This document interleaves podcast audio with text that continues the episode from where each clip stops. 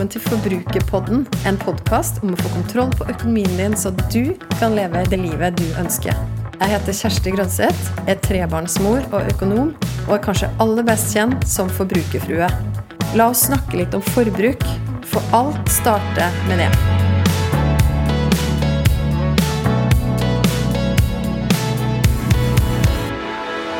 Det her er en kort peptalk-episode spesielt til deg som nå, et par dager før jul, lurer på hvordan du kan få en jul med overskudd.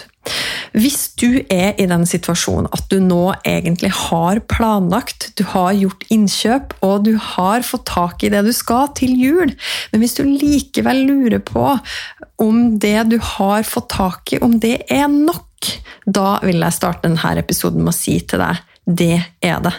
Du har garantert kjøpt nok mat, du har garantert kjøpt bra nok julegaver, og alt det andre som du har kjøpt inn for at det her skal bli den julefeiringa som du har lyst til å gi til deg sjøl og de rundt deg, det er nok.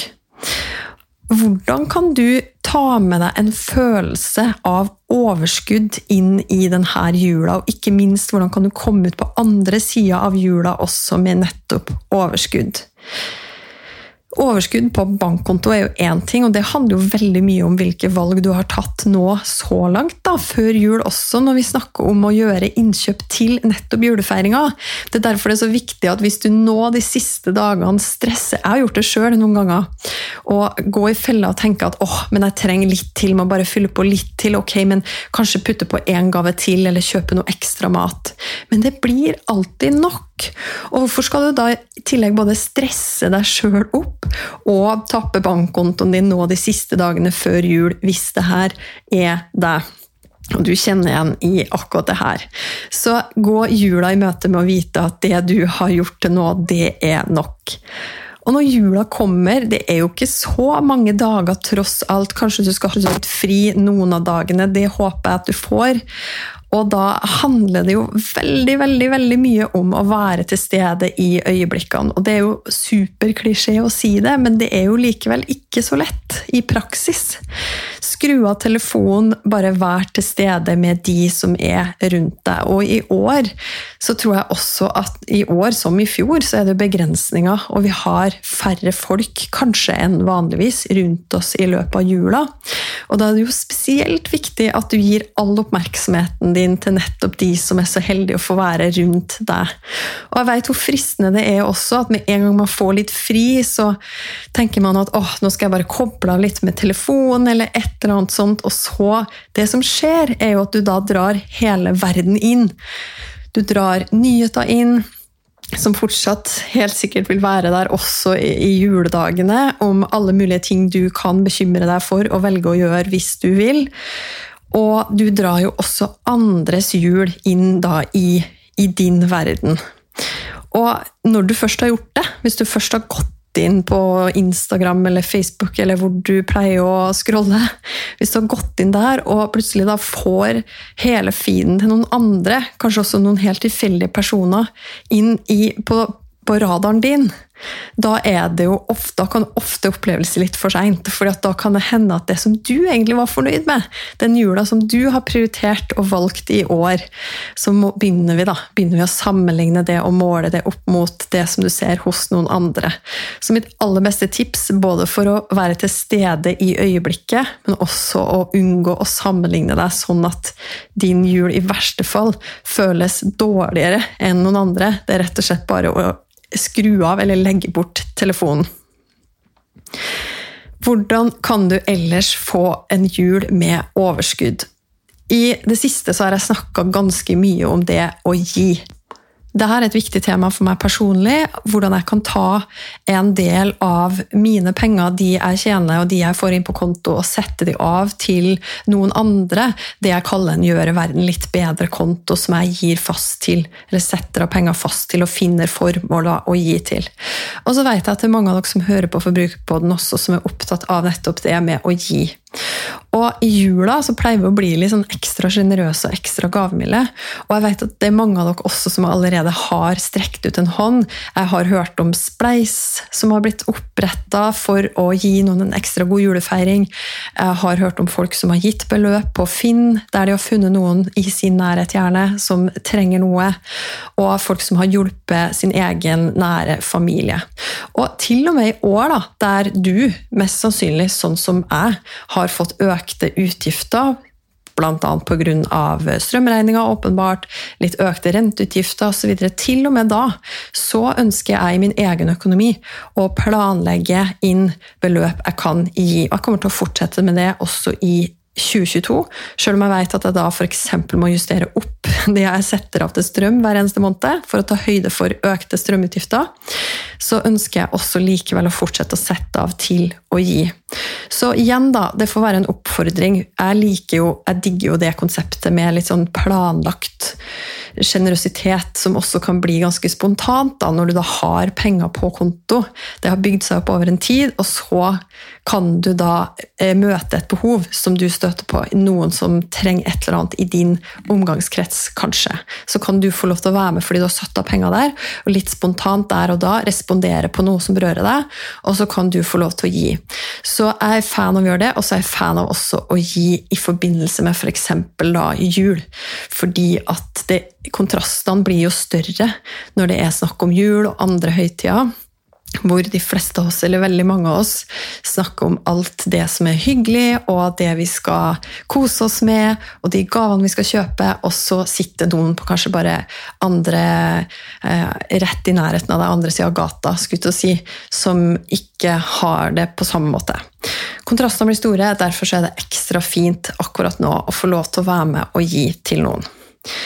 Så det er også en måte da, å få overskudd på.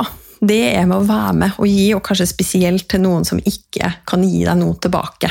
Annet enn takknemlighet, og det kan jo bety vel så mye som penger ofte.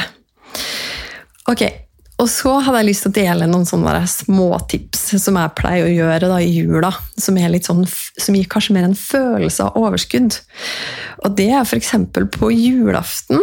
Hvis du får gaver da, som er pakka inn i papir, og spesielt sånn papir som det papiret du syns er aller finest, og de bånda som du syns er aller finest, brett det fint sammen, ta vare på det i en boks eller i en fin papirpose, og så kan du bruke det enten til neste år eller gjennom året, hvis det ikke er sånn veldig sånn julete papir.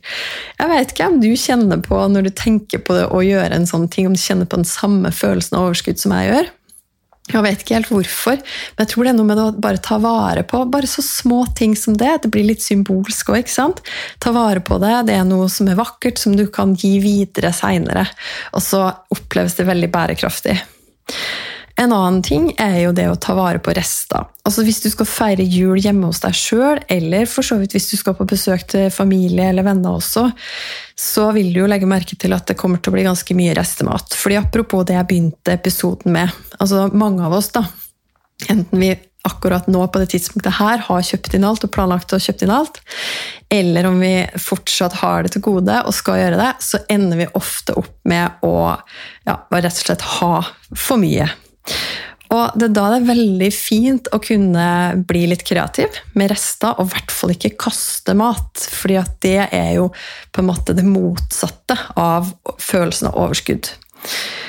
I fjor så husker jeg at jeg fulgte veldig med på et par Instagram-kontoer. Det var Spis opp maten og Fattig student, fordi de hadde noen egne poster da i fjor om hva du kunne gjøre med restemat.